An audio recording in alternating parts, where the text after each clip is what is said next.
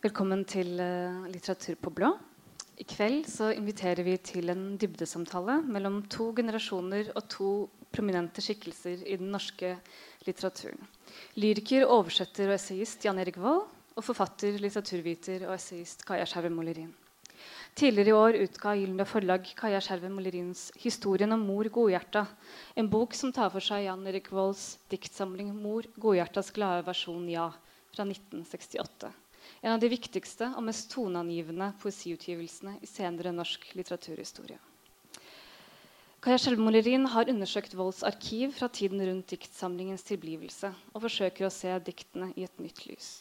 Velkommen til en samtale om Mor Godhjerta, poesi og Oslo by. Velkommen.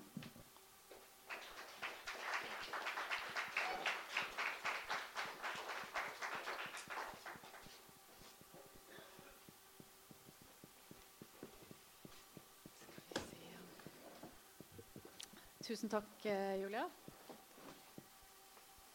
Ja, Jan Erik, vil du starte? To glass vann hver. ja.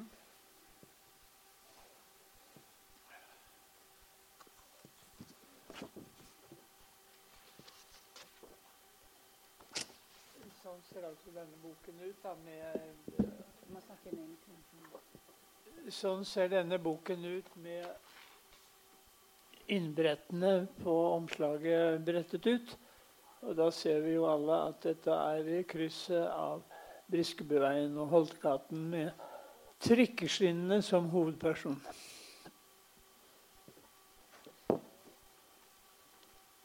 Og de er, som vi ser, grønne. Jeg skal lese åpningsdiktet her, som gir mye av uh, tonen i boka.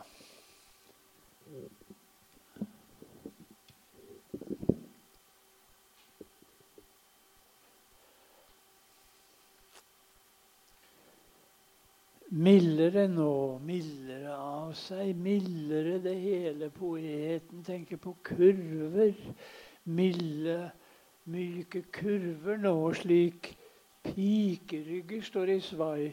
Slik omrisset går rundt sirenblad i spenst, slik de er blitt av bølgene av istiden. Sinuskurve er det peneste navn jeg vet på kurver. Men min favorittkurve er ingen sinuskurve. Min favorittkurve er sprekken i ruta til Hammerstad. Den er gjengitt helt foran. Den ser sånn ut.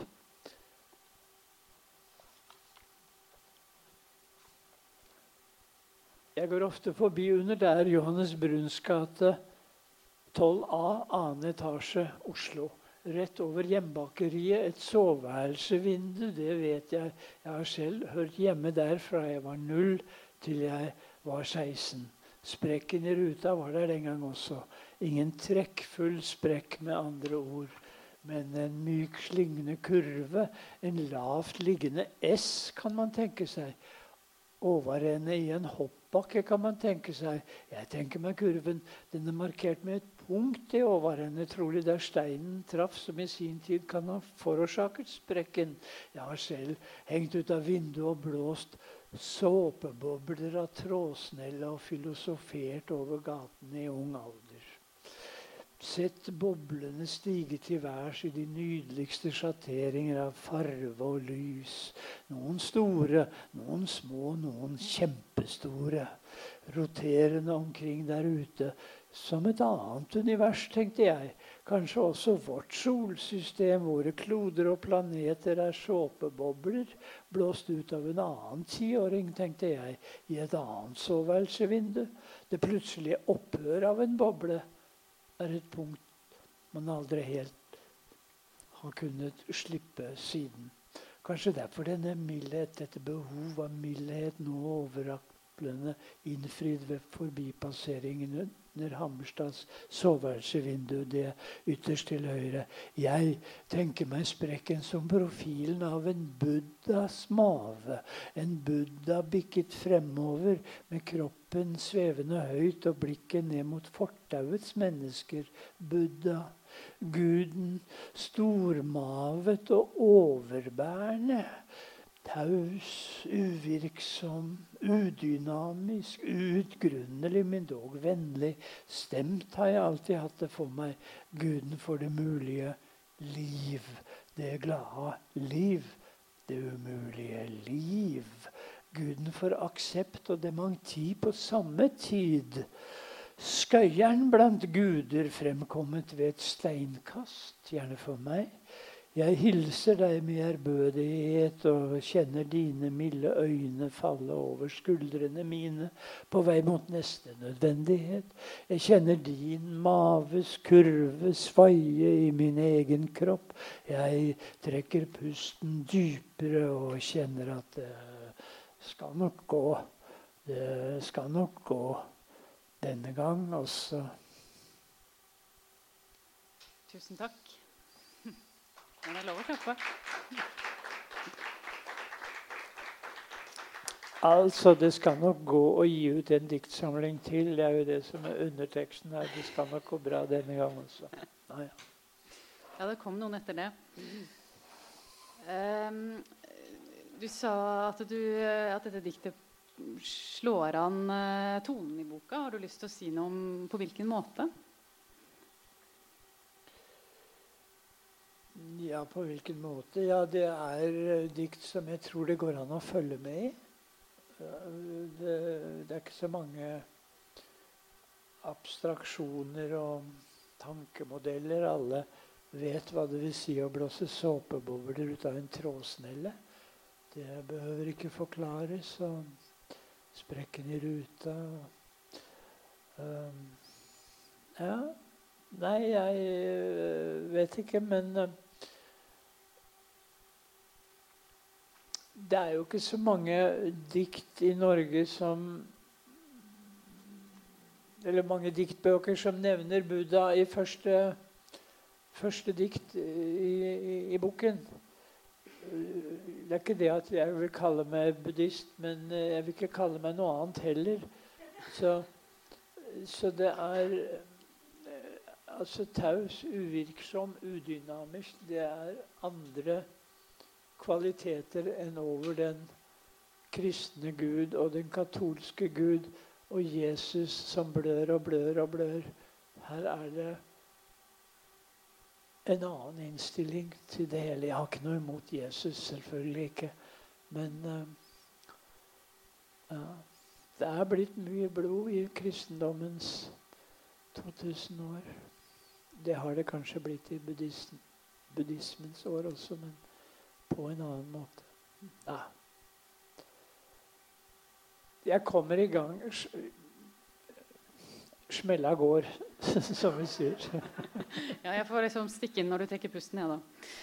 Men eh, altså den, det si, Jeg vet ikke om det var synlig fra, fra, scenen her. og Mange kjenner jo denne boka sikkert fra før. Og, og dermed også Buddha-kurven eh, som du viste eh, fram. Som da går som en eh, kurve med en liten prikk i overende. Eh, kan du fortelle litt om Jeg vet at det var en operasjon å få avbildet eh, denne? Nei, ja, men det, det, ble tatt et bilde av den ruta da, og da ser man hvor sprekken er. Og så, og så uh, Oddgeir Sæther, som har laget uh, omslagsbildet, og som er en god venn av meg, og var det også for 50 år siden. Han uh, han skjønte hvordan uh, det skulle gjøres, og han tok et bilde og så, og så hvor den kurven er, og så skar han bildet ut. Og så skar han bildet ut på nedsiden, og så hadde han to halvdeler som han presset sammen, men ikke helt. Og da ble det en kurve tilbake i midten, og det er den som er gjengitt i boka her. En liten design en logo. En langstrakt logo, og derfor ikke anvendbar til noe annet enn poesi. I eh, den boka jeg endte med å skrive, så har vi også med vi har, altså Det er med en del bilder fra arkivmaterialet, og der har vi også med et brev som du fikk av, av Hammerstad. Eh, ekteparet Hammerstad. Etter at du hadde sendt dem diktet. For du sendte dem det før boka kom ut, var det ikke sånn? Jeg tror jeg må ha gjort det. Det var, det var et brev fra dem som jeg fant igjen plutselig. Ja.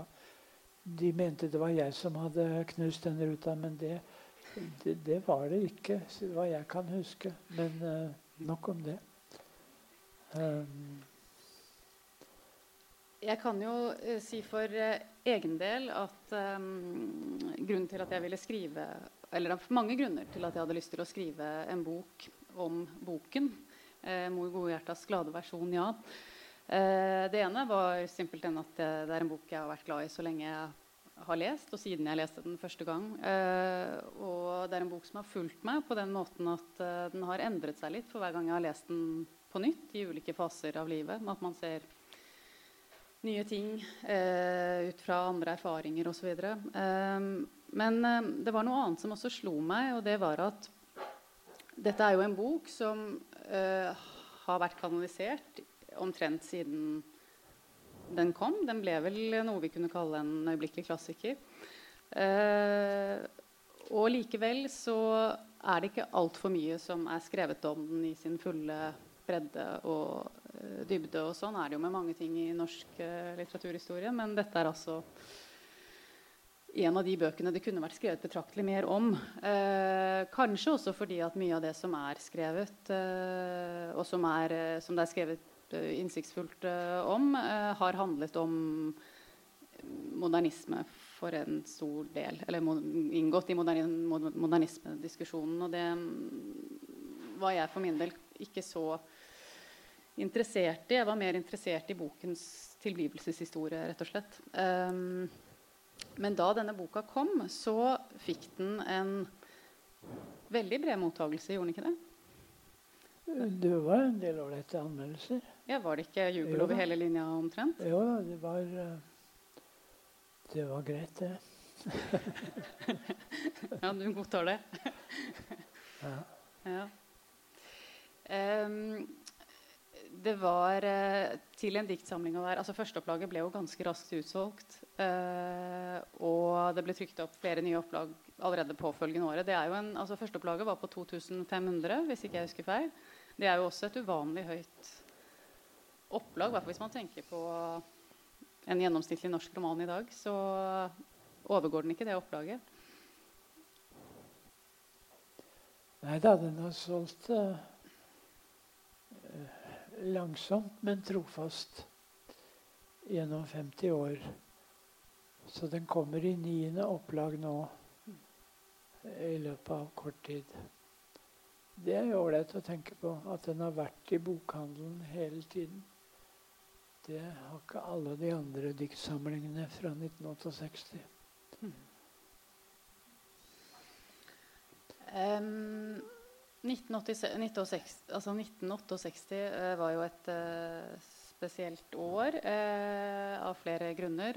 Politisk og kulturelt, selvfølgelig, men, men, også i din personlige historie. Altså, denne boka ble jo skrevet av for det meste i året 1967 68. Og det meste ble vel skrevet sommeren 1968.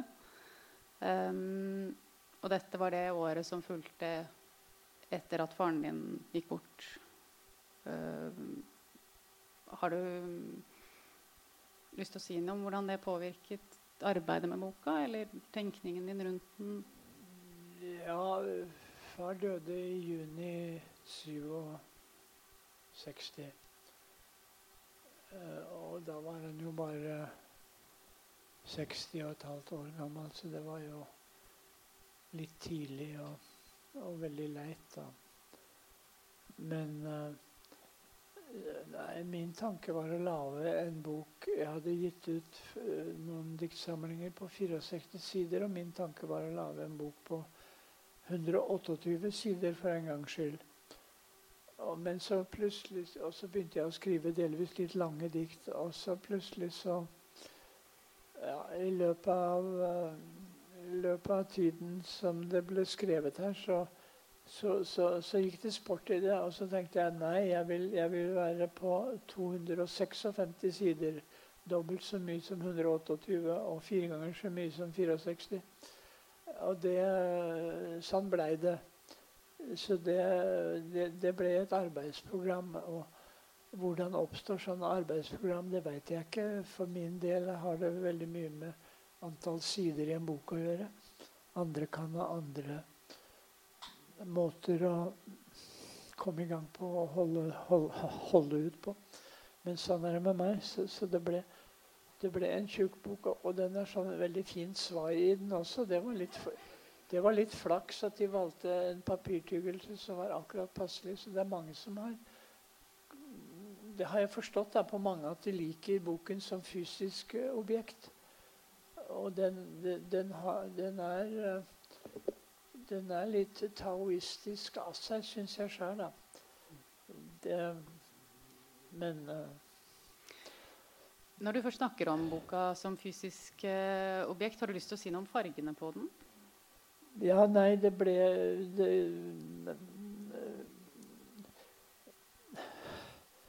Ja, alle ser at dette er trikkeskinner, og alle vet at trikkeskinnene ser ikke sånn ut. Ikke brosteinen heller. Men uh, der er det, det grønne. Det grønne er en farge som går gjennom uh, i mange av diktene her. Og så, og så tenkte jeg at det, det, brune her, det er farven på Victoria-plommene ute på Nærsnes, der vi holdt til mye på sommeren på den tiden. Så det er blanding av, av gress og, og plommer. Og dette sa jeg selvfølgelig ikke bort til noen, men uh, etter 50 år kan jeg jo røpe små hemmeligheter som det der. Så, sånn ble det. Seinere ble det en plate som heter 'Bryskeby blues', og der, der, er det blått. Så, så, det er ikke det. Men uh, dette er en grønn bok, da. Ja. Også fordi det er mye vår i boka? Også fordi det er mye vår i boka? Eh, ja, jeg har ikke tenkt så mye på det. Det eneste jeg vet, at det er lite høst. Det er vinterdikt og vårdikt og sommerdikt, men ikke noe høstdikt. Hvorfor ikke? Nei, for det hørte ikke hjemme i den boken. Sånn er det med det. Ja, ja. ja det er vel en Jeg kan Hvorfor det? Jeg gjør som jeg vil. ja ja, det var ikke meningen å stille deg til veggs.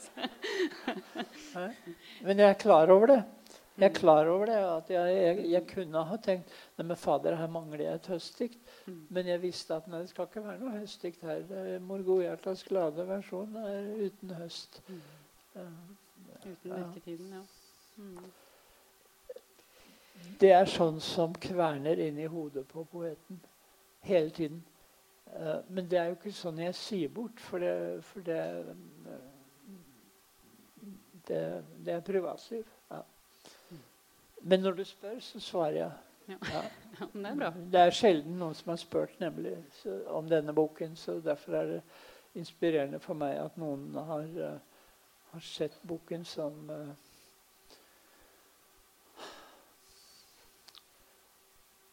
Ja, som en uh, mangfoldig konstruksjon, kan jeg vel si. ja. For det Jeg veit jo ikke sant, Det er loffen, og så er det tangen. Og så er det trikkeskinnene. Det er de tre temaene som er eh, ja.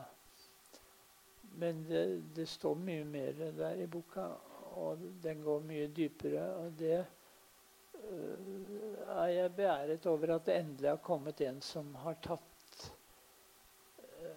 tatt en ordentlig økt på å finne ut hva dette andre er. For folk har jo stort sett likt diktene. Det er ikke det. Så en av de kildene som, jeg, eh, som ble veldig viktige for meg eh, i arbeidet med denne boken, foruten ditt, eh, altså ditt arkiv, da, eh, det var en brevsamling eh, som nå ligger på Nasjonalbiblioteket, i håndskriftsamlingen der. Og som var brevene du skrev til din venn Tor Blekastad eh, fra USA. Eh, da du var der i 62-63, var det vel. Eh, dette USA-oppholdet virker for meg å ha vært formende for deg, eller at det var mye som skjedde at, i, i, den tiden. Uh, var det sånn du opplevde det selv også da du var der?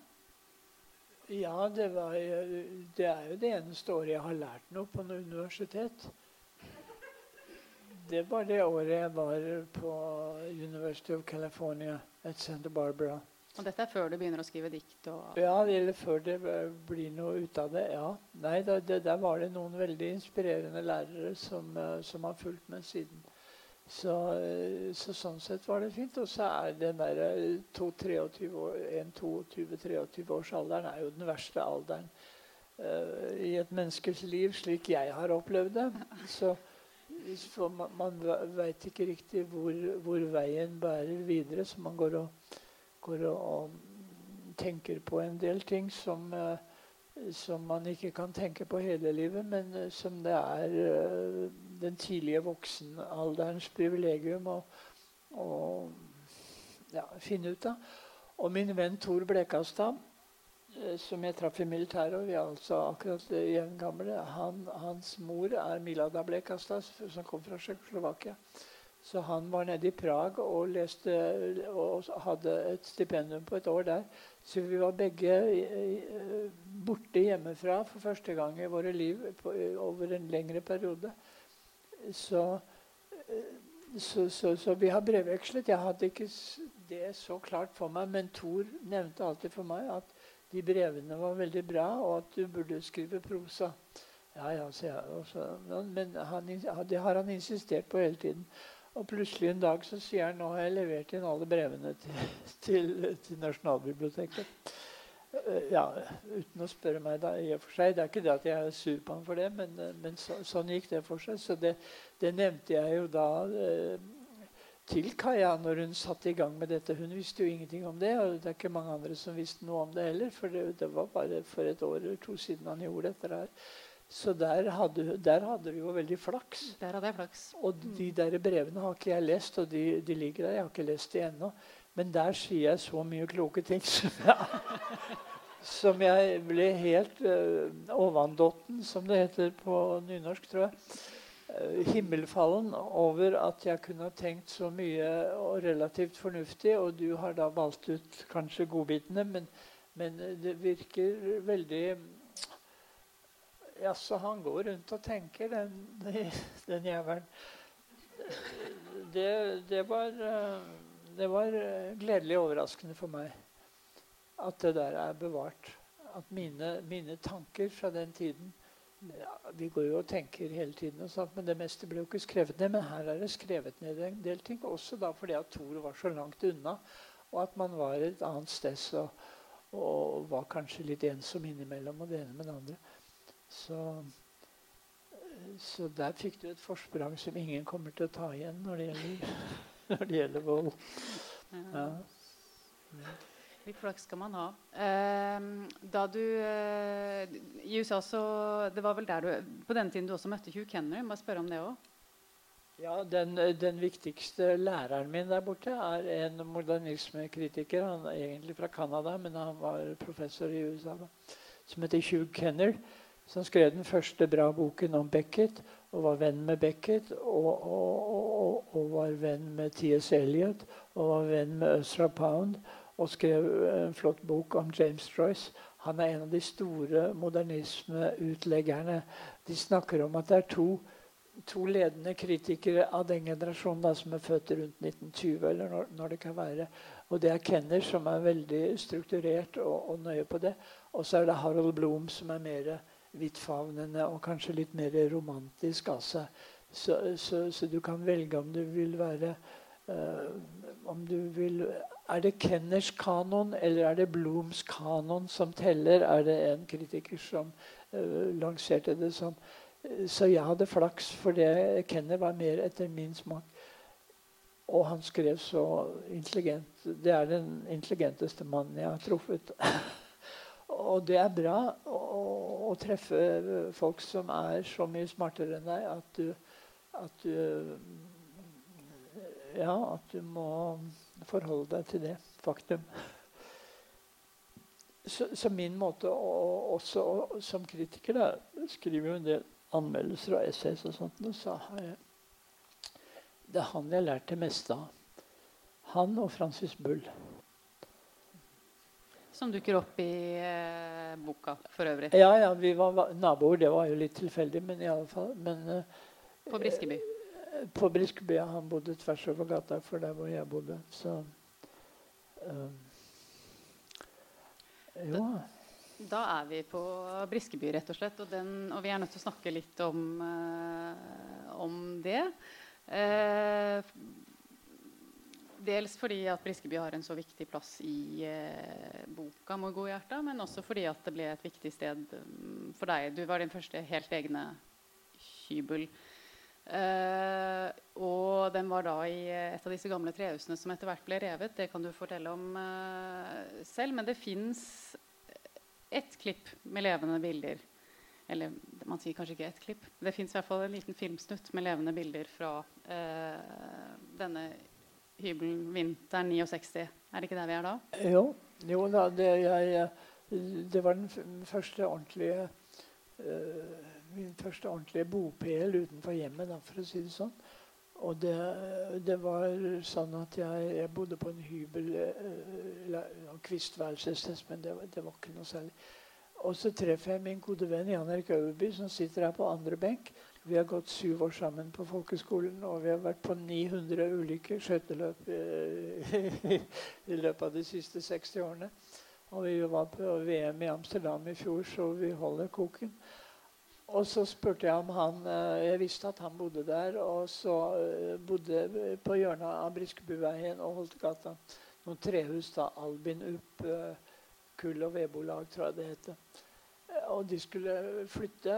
Og så fikk jeg han til å spørre svigerfar om, om det hadde gått an å flytte inn på den lille hybelen der han og kona bodde som nygifte, for de hadde fått en leilighet på Lambertseter. Og så sa han jeg skal spørre svigerfar, og svigerfar hadde ikke tenkt å leie ut noe mer. Men, og en kunstner til han vet aldri. Men det, gikk veldig bra. Og der var vi, og der bodde jeg fra 66 til 69, da de reiv huset. Og der var de tidlige møtene i profilredaksjonen. Holdt de der. Og, jeg øh, holdt de der og, og skrev derfra. Og, uh, så det Når du blar opp den når, når, når eh, Vent, da skal vi se Når når det er Holtegata og det er Bryskebyveien, så bor jeg her. På den andre tvers imot eh, det her svingen. Um, og så tenkte vi når vi skal ha dette her, så, så, ble det altså Den boken ble jo litt lagt merke til. Da. Så ble det laget i et bokprogram så ble det lavet en liten reportasje fra min bopel der.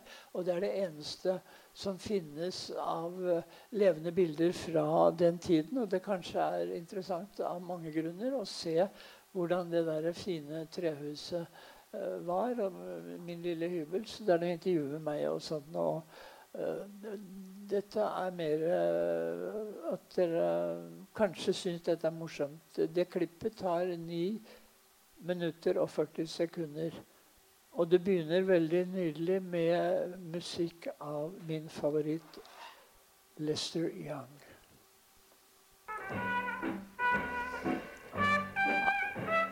Buck Clayton på trompet.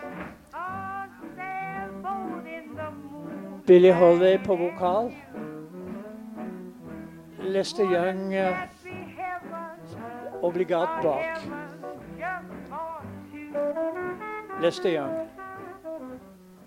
Briskeby, bydel vest i Oslo, Uranienborg menighet, utgjorde i sin tid to husmannsplasser under Frogner gård mellom Holteløkka og Uranienborg i nord og Bondejordet i syd, frasolgt i 1860-årene. Området var som en liten landsby i det grønne, helt isolert fra bybebyggelsen, til det ble innlemmet i byen i 1878. Den eldste bebyggelsen i Bryskebyveien er fra første halvdel av 1800-årene. Den gamle trehusbebyggelsen er nå omtrent forsvunnet. Fra Oslo byleksikon 1966. Just give me a sailboat in the moonlight disse ordene står å lese på tittelbladet i en bok lansert av vår unge poet Jan Erik Vold like før jul. En bok som vel må sies å være noe for seg selv i høstens norske litteratur. Yngvar Ustvedt. Det var en diktsamling med emne da fra Briskeby, der poeten nå har oppslått sine pauluner ovenpå i Albin Upps gamle kull- og vedforretning. Tittelen på boka, 'Mor Godhjertas glade versjon', ja, refererer seg imidlertid ikke til Briskeby, men til en lokal figur et sted på Sagene.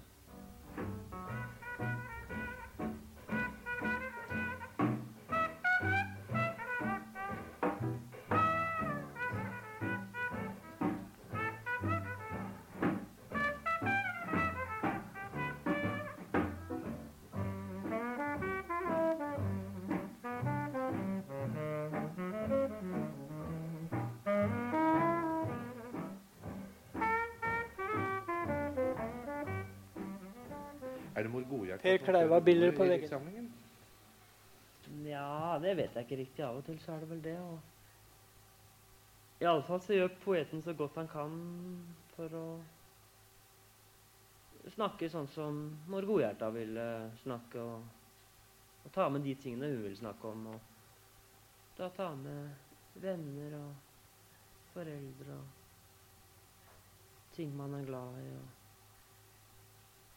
så er det vel kanskje det at eh, hun er en by En by Figur, mor Godhjerta. Jeg vet ikke, i hvert fall rent språklig så er hun vel antagelig eh, et østlandsmenneske. Det tror jeg ligger i språkformen. Da. Man kunne kanskje tenke seg at eh, hun hadde noe med Oskar Bråten å gjøre. Det, det vet jeg sant og si ikke selv, men eh, hun Hun gir her folk den lille trøst og, og, anledning til å glede seg over ting som folk så sjelden får. Det samme gjorde visst den egentlige mor Godhjerta. Det er slik jeg har funnet ut etterpå. Hun, hun var uh, raus med øh, å gi bort uh, mat, faktisk. Eller godter, eller hva det var. husker. Så altså midt oppi all denne mørke og undergangsbestemte lyrikk eh, kan man si at deres bok representerer et, noe slags lysglimt? En slags noe uh, lyst og muntert? Ja, mor Godhjerta er en figur som uh, avstår fra bomber. Ja. Rett og slett. Ikke det at hun ikke vet Det finnes. hun ble jo bomba veldig mye på i de årene, Ja. det husker vi. som alle gode Men hun vet det finnes. gjør. Jeg tror hun vet det finnes. Hun leser en og annen avis, tenker jeg nå. Det lyder symbolsk, Mor Godhjerta. ja. Men etter det de her forklarer, så er det allikevel ikke så sikkert at det er så symbolsk. Slipper man å lete etter symboler i deres bok? ja. De skriver stort sett nyenkelt, som det heter. Nei, jeg skriver om ting jeg er glad i, og jeg er tilfeldigvis født i en by og har bodd her mest av min tid, så i Oslo, så Det er så rart med Oslo som eh, Det er så få som elsker den byen, hvis man skulle dømme etter eh, hva som skrives. Ja. Så det Det ligger vel en slags Oslo-versjon her også. Ja. Jeg ville da gjerne at man skulle prøve å, å mm, ta litt vare på den Oslo, det Oslo man har. Dette er deres femte diktsamling, Jan Erik Vold. Den første virker tyngre tilgjengelig enn denne her. Opplever de selv at de har uh, gjennomgått noen slags utvikling i retning av det enklere formspråk? Det er vel et enklere språk i og med at han har kommet eh, kommet dit at han kan stå med problemene og ikke gå under.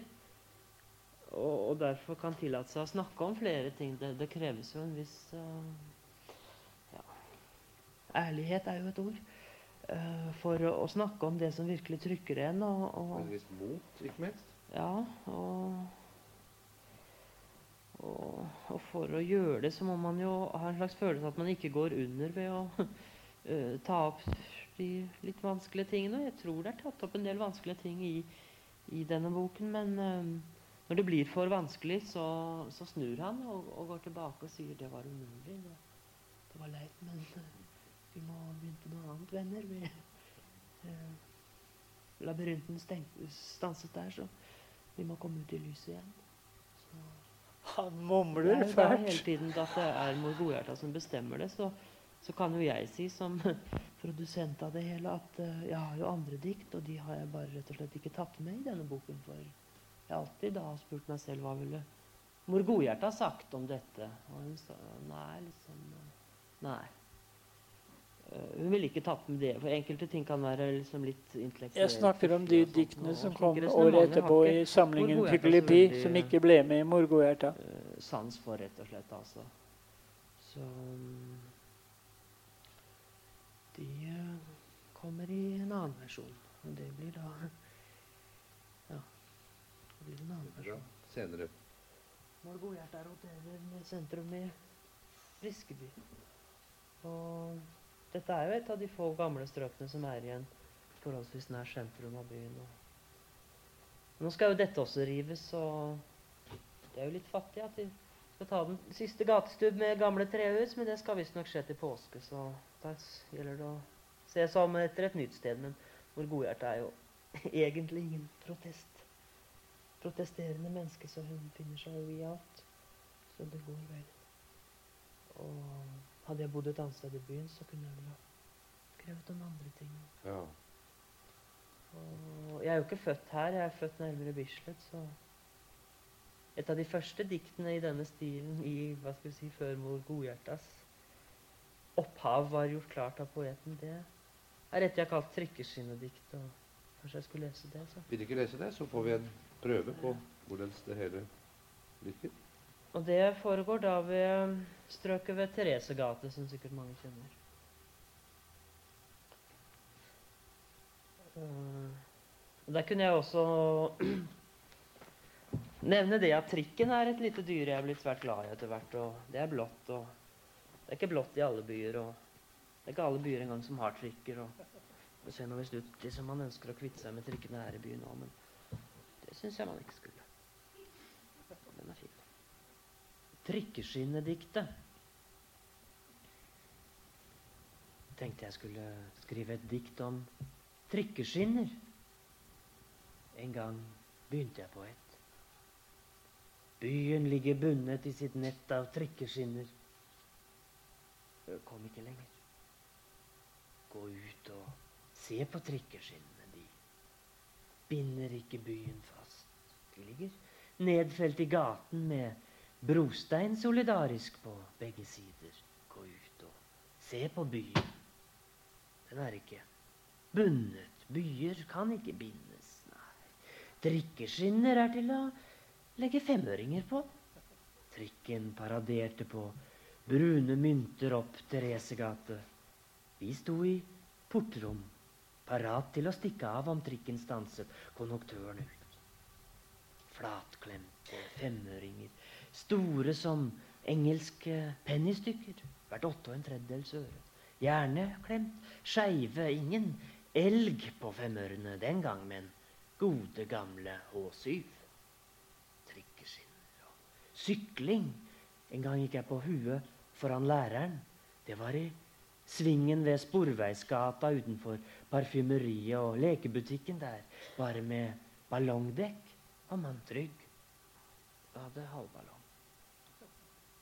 Om våren kommer den siste snøen seilende i klumper ned trikkeskinnene. Skyver brunt vann foran seg med fine bølgestriper i. Siden blå menn som skyfler skinnene rene, så solen skal få klatre uten sand i munnen opp bakken til Adamstua, der leira ligger våt og snart skal bli gras mellom skinnene.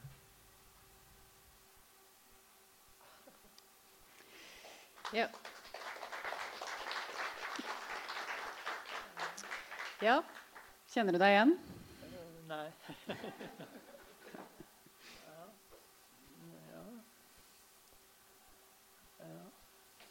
Det var jo synd at de rev de der trehusene på- på Briskeby. Det jo, var en av de nærmeste gatene mot sentrum som ennå hadde litt av trehusbebyggelsen. Men det har jo skjedd verre ting, så sånn er det. Var det morsomt å se dette her? Er, det, har, er det mange her som aldri har sett Briskeby i denne forstand. Ja, det må det jo være. Det er kanskje mange som ikke har sett gammeldagse femåringer heller, som var, som var så store. Så ja, det var litt folkeopplysning da. Ja, så du, du, sa jo i klippet Du sa jo mye i dette klippet, men du sa bl.a. at uh, Du snakker jo litt om Oslo og Oslo by. Uh, at det er en uh, by du selv later til å være glad i på det tidspunktet. Og er det kanskje, du er vel kanskje fortsatt det på noen måter, selv om Oslo også er blitt en by du har kritisert utviklingen i noen ganger? Hva, hvordan, hva slags forhold har du til Oslo nå?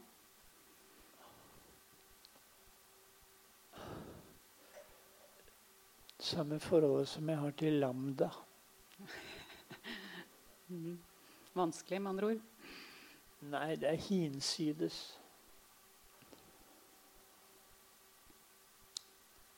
De lagde Munch-museet på Tøyen til uh, Edvard Munchs 100-årsjubileum, tror jeg, i 64, for han var født i 1864. Stemmer ikke det cirka? Jo. Og, og, det gikk sin gang, og det var veldig stas da det kom. Og vi som var i passelig alder der, ble jo veldig imponert og, og, inspirert av å gå der, og at vi hadde en sånn flott maler. Men så gikk jo tiden, da, og penga mangler, og sånt, og så til slutt så regner det gjennom taket på Munch-museet. Hvor kommer penga fra? De kommer fra Japan. Det var da altså ingen i Oslo bystyre som så at dette her var et slags uh, kommunalt ansvar og norsk ansvar. Så det var Idomitsu i Japan som, som spytta opp med noen tusenlapper. Og nå plutselig, når de har lest seg opp og funnet ut at, at Munch er noe å satse på, for han har satt Norge på kartet, så plutselig kommer penga. Og så lager de et makkverk av et bygg. Og dette trumfer de gjennom all ekspertise sier at det er feil å bygge i, høyden når de har tomt på Tøyen som eies av kommunen. Isteden så skal det være selskapet som heter Hav eller noe i den stilen, tjene penger på å, å selge tomta. Nei, det, det, er så korrupt og så ille at, uh, at uh, jeg har et sitat fra min venn Beckett. You're in Oslo now. There is no cure for that. Men den, den eh, Altså, det Oslo Det siste dumme er jo Men det har ikke akkurat bare med Oslo å gjøre, da. Er jo navnebytte på togselskapene våre. Ja, Det kan ikke Oslo bare skylda for. Men, Nei, eh, men det er, det er blårussen som har tatt over dette landet, og det er jeg selvfølgelig lei meg for. Jeg tenker på altså det, Oslo, det, Oslo, du beskriver i Mor Godhjerta, er jo et helt annet Oslo. Det, hva, hva, er det ved den byen som er til å bli glad i, slik du beskriver den i boka? Ja, men dette, ikke sant, når jeg skrev denne boka, så var, var jeg 27-28 år gammel. Da hadde jeg bodd i Oslo hele mitt liv. Og, og det var det. Og det fantes ikke noen by, uh, diktsamling om Oslo såpass tight og, og, fyldig som denne her. Så, så da kom den. Så, så det uh, Sånn er det. det er og det var jo fremdeles i hvert fall åtte skøytestevner hver vinter på Bislett etc. etc. Og det var speedway-mesterskap på Dælenga, og det var det ene med det andre som, som er blitt borte. Så det, Sånn er det. Men jeg skjønner jo at tingene må forandre seg. Men det er jo bare et under, og det er min eneste seier eh, mot ni andre nederlag i Oslo-debatten, er at de klarte ikke å nedlegge trykkene. Det var et flertallsvedtak i Oslo i 19, tidlig på 60-tallet at i løpet av en tiårsperiode skulle trykkene bort. Men da det begynte å nærme seg 1969, så ble det så mye protester og aksjoner at bystyret gjorde om sitt vedtak. Det er Volds eneste seier. Jo, pluss at jeg fikk flytta øh, Fikk tilbake navnet på Olav Bulls plass på Skillebekk. Og fikk, flyt, og fikk flytta den uh, fine bysten som sto utenfor SAS-hotellet, helt umotivert. Så den er nå veldig fint plassert på, på Skillebekk i det som heter Olaf Bulls plass. Og det, den, det, navnet hadde den i 20 år, og så tok de det bort. Men nå har den kommet tilbake, så det, det er da noe. Mm. Ja, ja. Ja, du får, du får telle seire. Um, I uh, det diktet som heter 'Bo på Briskeby blues', uh, hvor denne hybelen da spiller en slags uh, hovedrolle, så skriver du også at du har en telefon på hybelen din.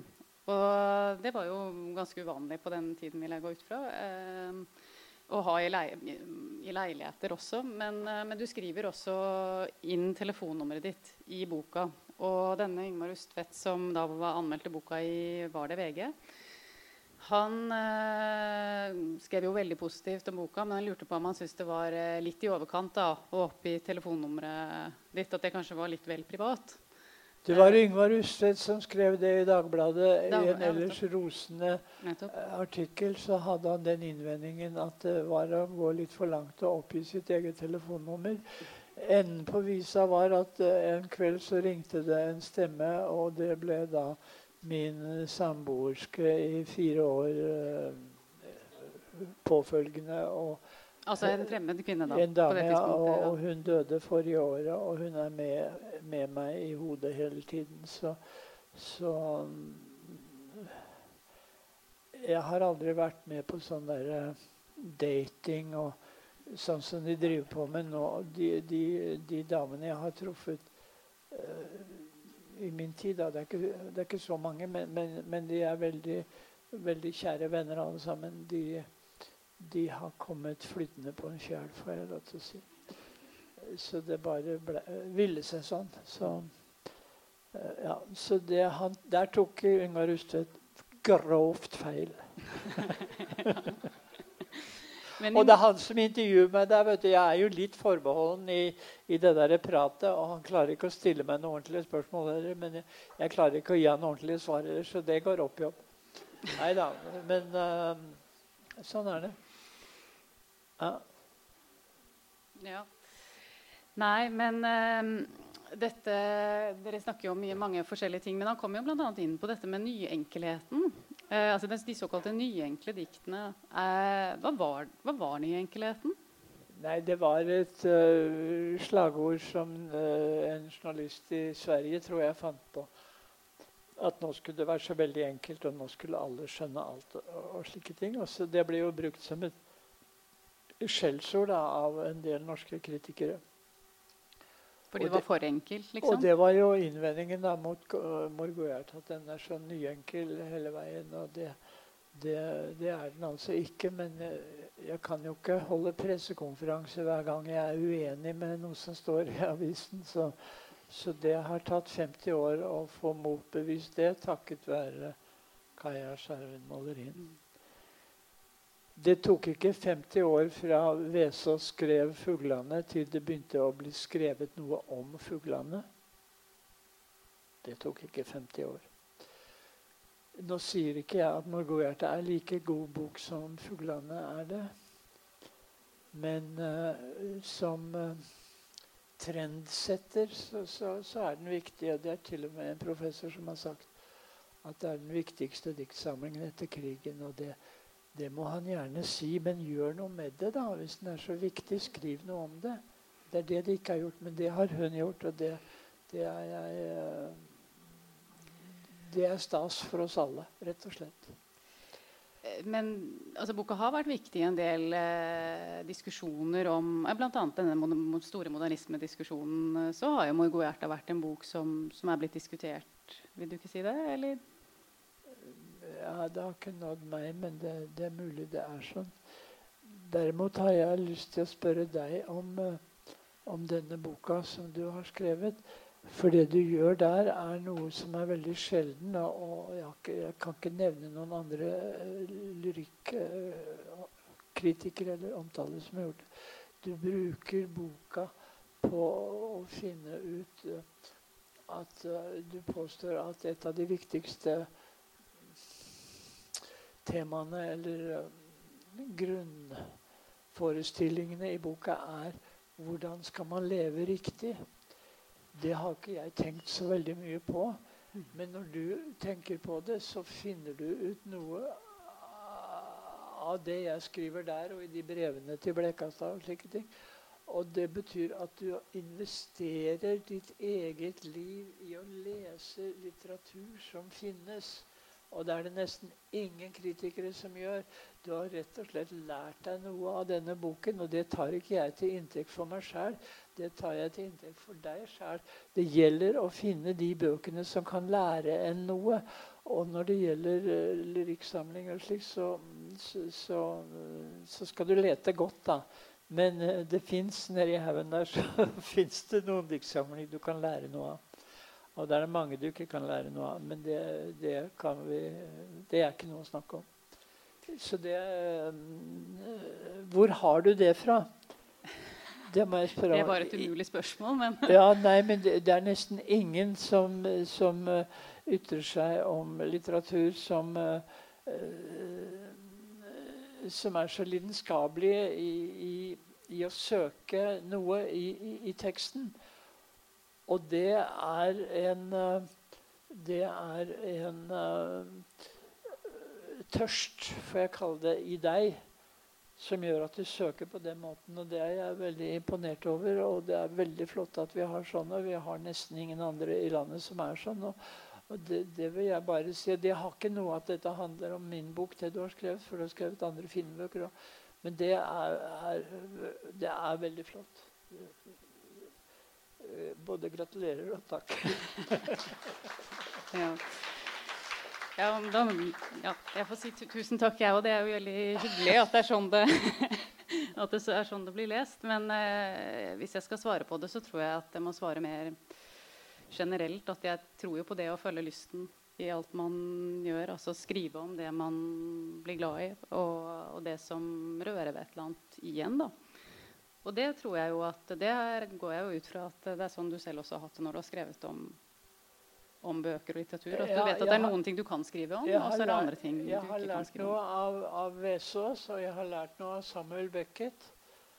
Og, og, øh, og, jeg har lært noe av Gunnar Ekeløe, den store svenske øh, lyrikeren.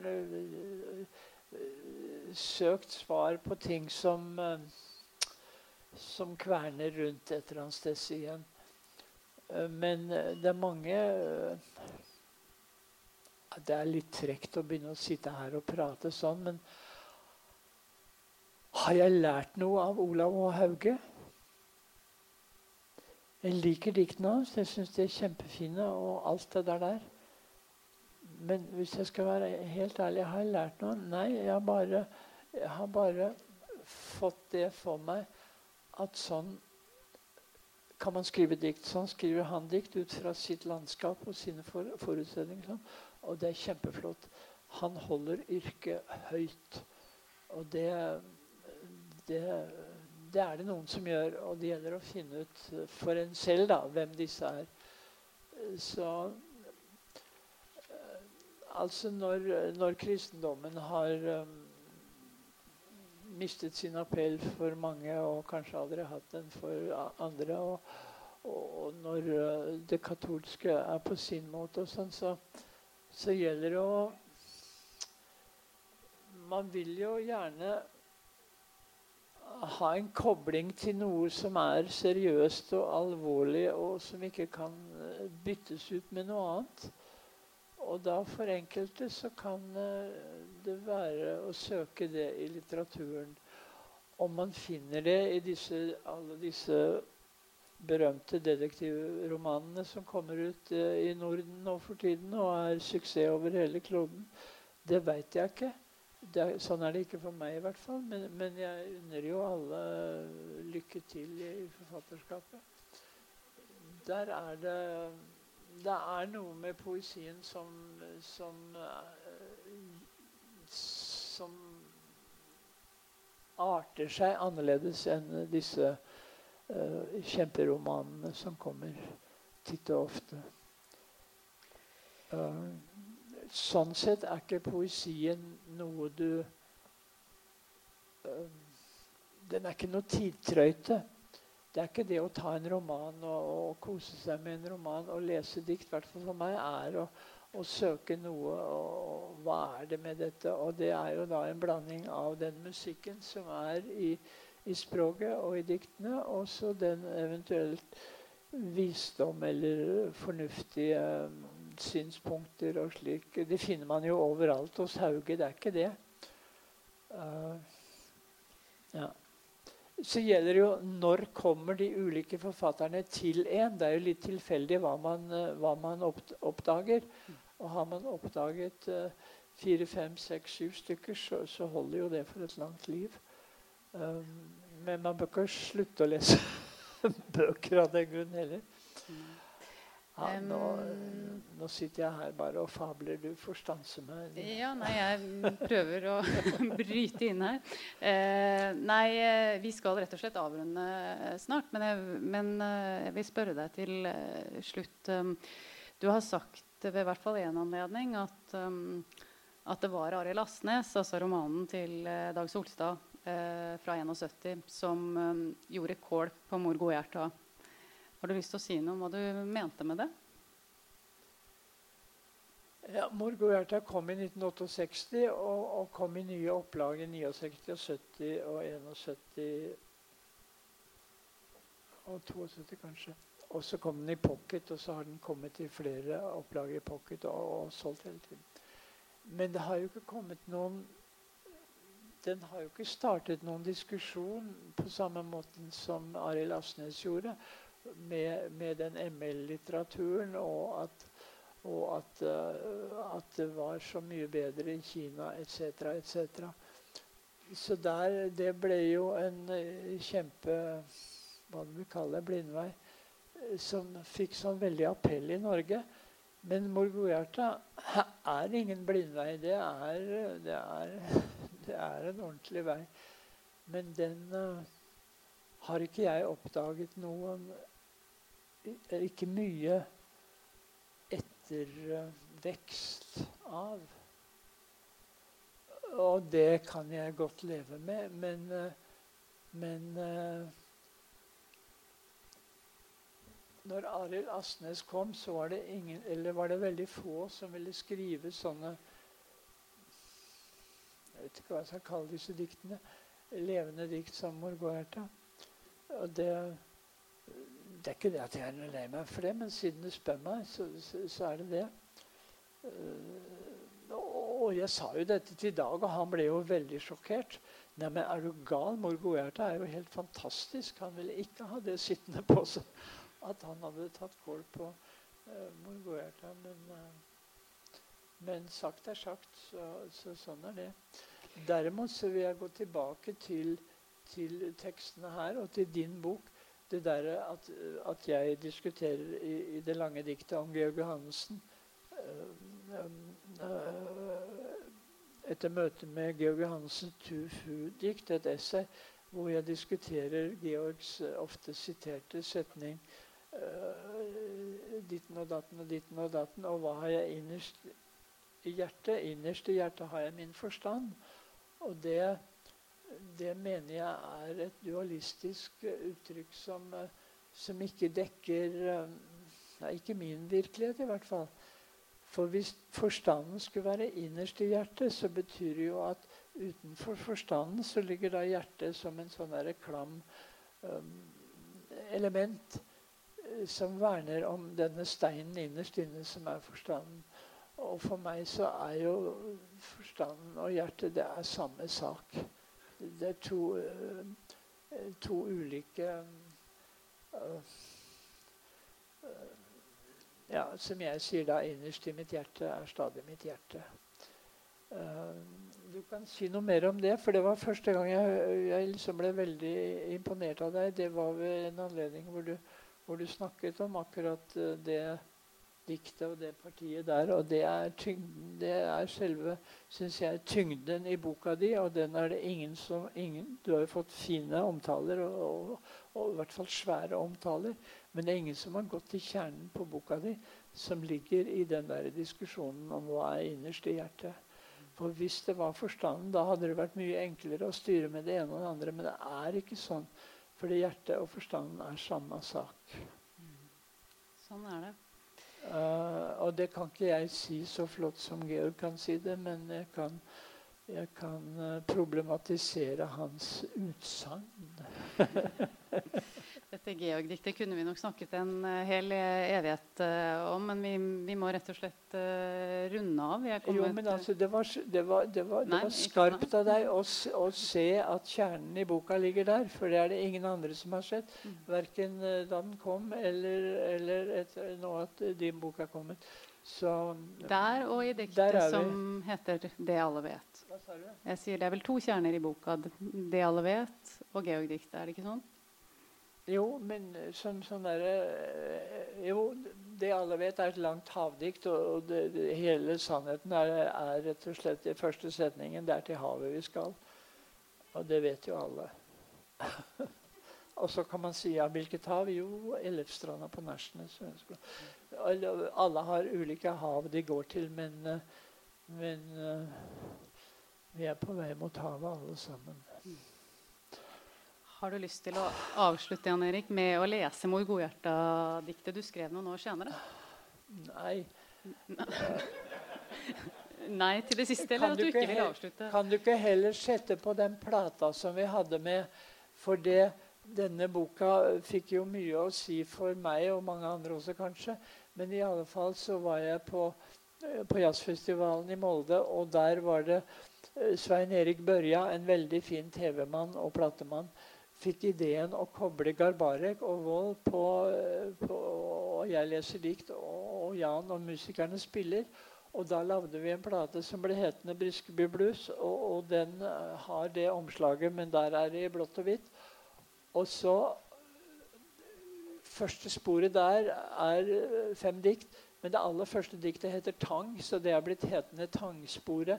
Så hvis du får spilt av den, så, så, gir det stemningen, og det gir også det derre om at uh, vi er på vei mot havet alle sammen. Og nå kommer jo havet opp og, og, og, og møter oss, så, så det derre er ingen spøk, som det heter. Ja.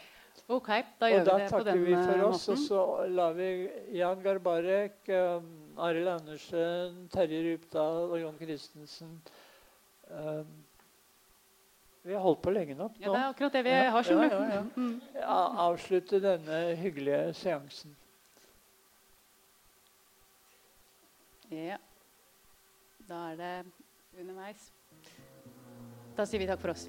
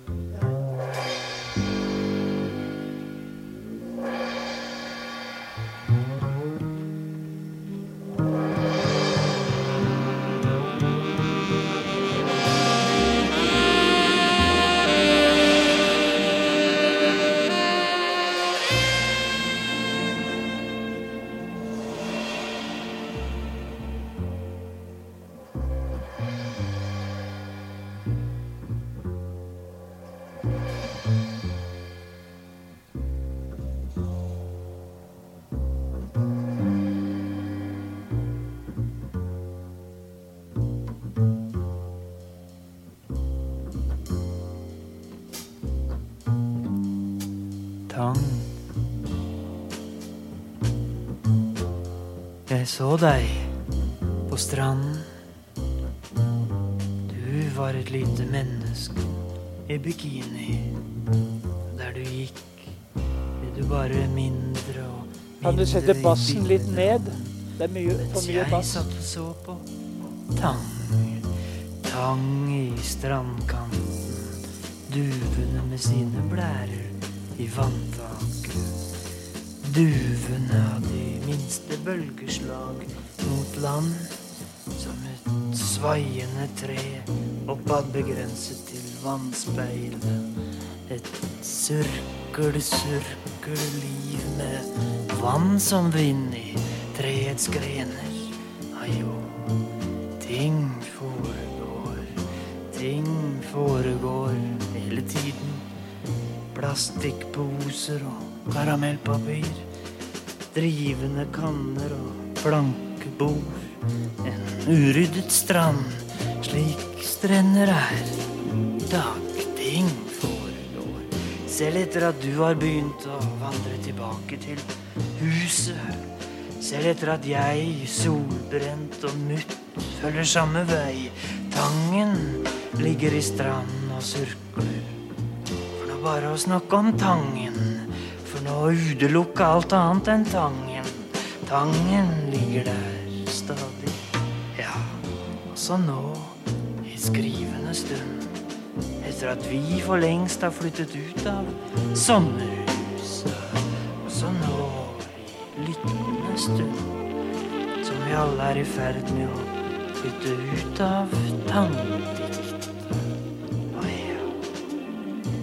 Surkel under sommersol. Þurrgurður vindust í hæð Þurrgurður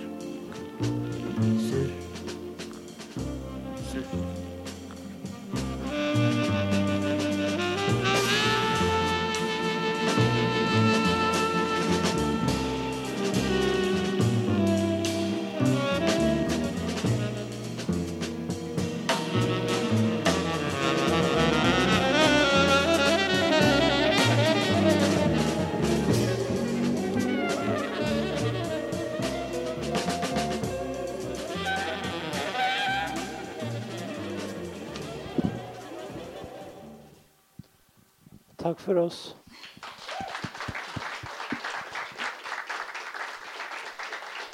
Skal vi se. Da vil jeg si tusen takk til eh, Jan Erik Vold og Kaja Shalem Molerin. Eh, er det noen spørsmål fra salen til Jan Erik, hvis han har lyst til å svare? Nå har dere sjansen. Kaja måtte hjem til sin lille baby, men jeg har bare voksne babyer. Og baby nummer to ble 36 år i går, så, så, så jeg er utenfor det eh, eh, Skal se hvis du kommer opp hit, så hører du. Så hvis dere har lyst til å være her lenger, så blir jeg blir jeg så lenge noen har noe å spørre om eller snakke om. Eller, uh, så. Ok, Så det er ikke et spørsmål til akkurat dette, men ehm, sånn generelt så lurer jeg på hvordan musikken har gitt deg inspirasjon til å skrive dikt, eller om det har spilt noen rolle. For jeg har fått med meg at uh, du er veldig glad i jazz, og at du har uh, fremført med Jan Garbarek. Så jeg bare lurer på hvordan det har spilt noen rolle i forhold til poesien din. Nei, altså det, det meste av diktene er jo eller med hele Morgoerte er jo skrevet før jeg hadde jobbet med noen jazzmusikere. Så, så det som er av jazzinspirasjon der, er jo at jeg er en gammel digger og platesamler. Og medlem av Oslo Jazzsirkel, der vi lyttet til jazz. Så, så jeg har hørt på mye jazz eh, fra jeg var 13-14 år og framover. Så Um, og det hadde jo ikke Bjørnson. For, å, for bare Ikke for å snakke stygt om Bjørnson, men for at det, det er en annen tid. Så det der fikk jeg der, Og da Jeg lyttet jo ikke på jazz for å bli eh, Jobbe sammen med jazzmusikere. Det var hinsidig. Jeg hadde ikke noen drøm om det engang. Det var bare noen spiller, og andre lytter. Og jeg var de som, tilhørte de som lyttet. Og så ble det noen som kobla dette sammen, og det, det var jo, det var jo veldig, veldig hyggelig og givende for meg. Og disse jazzgutta, mange av de sier at de syns det er eh, Nei, Vold nei, det, er liksom, det er greit å jobbe med han. Eh, Jan la merke til det fra første stund og de andre også, at det, det, det, det går seg til. Så jeg er selvfølgelig ikke noen jazzmusiker, og jeg kan spille gitar, tregrep på gitar og, og synge Prøysen og sånt, men, men eh, det er timingen og, og det der der, så det har jeg lært like mye av Ella Fitzgerald og, og Frank Sinatra og, og andre. Um, så det musikalske eh, har jeg med meg et sted fra, som jeg ikke behøver å vite så mye om heller. Jeg har ikke andre spør om det, og jeg bare sier nei, jeg leser sånn som jeg syns et dikt skal leses. Og så, så blir det på den måten. Kajsa, er det noen andre spørsmål? Ja. Ja. Kommer den til?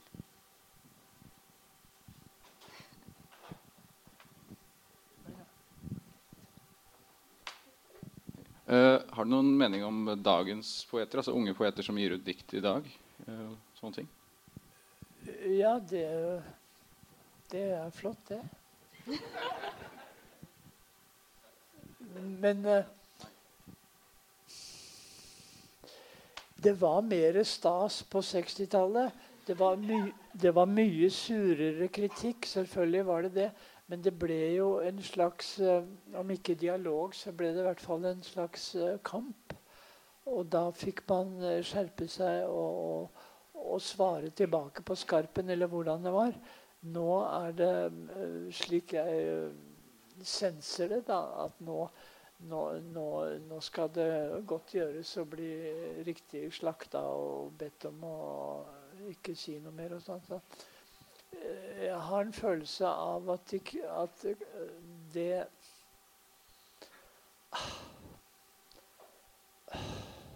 Dette er bare en fornemmelse jeg har, men at det kreative hos ungdommen har andre ytringsformer og muligheter enn det mange hadde på 60-tallet. Så det er mange smartinger som ville blitt poeter for 50 år siden, og nå blir de noe annet. Men de er, de er smarte for det. Så der, eh, der er eh, poesien i et dilemma, og det fins ingen ordentlige kritikere som ser dette her, med all tydelighet. Så, så, men det var jo ikke noe svar på det du spurte om. Så, så de som må skrive dikt, får gjøre det. Så øh, hvordan det går, det, det, de da, det må jo de da og vi andre ta til etterretning. Så jeg kan ikke si noe klokt om det der. Ja. Men vi hadde jo kritikere som var veldig mot det vi gjorde. Det opplever jeg ikke at uh, sånne kritikere er det færre av nå for tiden. Og det skal vi kanskje være glad for. Men uh, det var uh, det var, det var en utstråling fra poesien på 60-tallet som, som var litt spesielt. Og sånne ting tror jeg kommer i clusters. De kommer av og til. Så tettes det, så blir det mye. Og så kan det være perioder hvor det er mindre. Nå er det jo disse maratonromanene som slår an. Og det, det Vel, ære være dem for det. Men uh, noen av oss uh, er ikke egnet til å lese sånne lange romaner. Og vi skal også ha noe, så, så da får vi lete i andre deler av bokhyllene. Selv om da poesihyllene i bokhandlene på Karl Johan det er 39 meter med det ene og det andre, og så er det 70 cm dikt, og det er det hele. Så, så, så poesien er jo kommet i klemme også. Og, så Men her sitter vi jo. er det noen siste spørsmål før vi gir oss? Ja.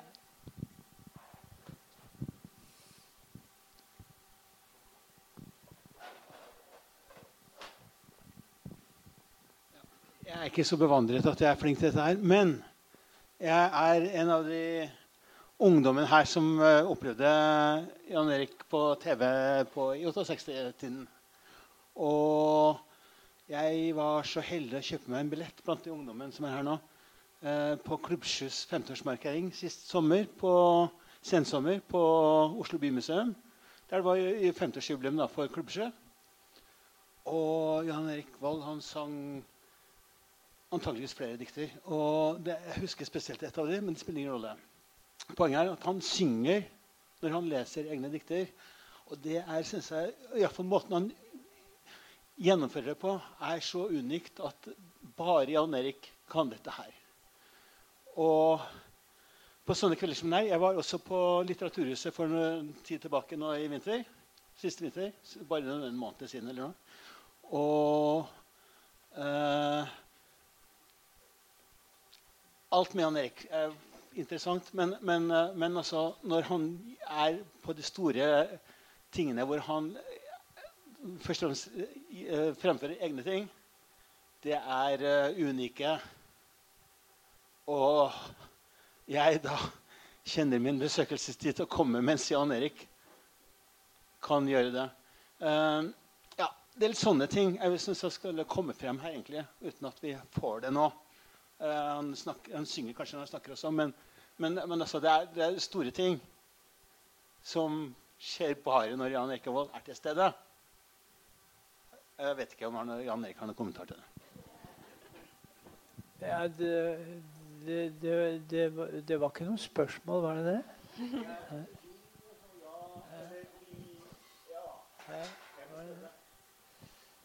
Jeg kan synge en uh, blues av, uh, av, Bob Dylan som jeg har fornorsket. Og det er en av de få tekstene jeg forhåpentligvis kan utenat, også en uforberedt kveld som dette. Og den heter 'Long Distance Operator'. Og han uh, I den engelske teksten, den amerikanske teksten, så, så anroper han uh, telefondamen. da, Det var på den tiden det var sånne telefonistdamer. og, og, og slik Han skulle, han skulle plassere denne samtalen ditten og datten. Han skulle snakke med dama si, og det var veldig viktig. Jeg har eh, laget det til en historie som foregår delvis i Oslo og delvis i Nord-Norge. Eh, ved at det, det, gikk rykter om at det var en telefonkiosk nede ved, ved undergrunnsstasjonen eh, ved Nationaltheatret der det alltid var lange køer av, av ikke-norske herremenn. Og da gikk ryktene om at der, hvis du rykket ekstra hardt i telefonen, så kunne du snakke eh, hjemme over hele kloden gratis. Så folk fant seg i å stå lenge i kø der. Da, for da når de kom fram, så kunne de snakke med, med Kenya og, og, Chile og Australia og sånne ting. Så, så, kom dette opp i VG, og dermed så ble det jo satt en stopp for det. Så det var da en uh, sviker som uh, ja, du vet åssen det er. Kjære rikstelefondame, kan du gi meg Nord-Norge? Kjære rikstelefondame, kan du gi meg Nord-Norge? Jeg skulle sagt noen ord i røret til hun jeg er forlova med. Det står tusen her i kiosken, tusen utafor i kø. Det står tusen her i kiosken, tusen utafor i kø. Hele kiosken tenker på et nummer gjennom myr og sludd og snø. Hvis du får kontakt med Bakfjord, så er det dama mi. Hvis du får kontakt med Bakfjord, så det dama mi. Denne Kiosken står i flammer, blir vi brutt, blir det ramaskrik.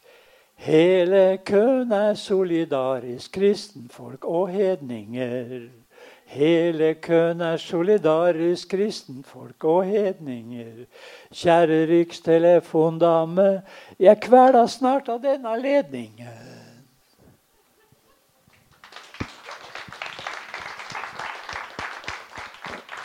Tusen takk.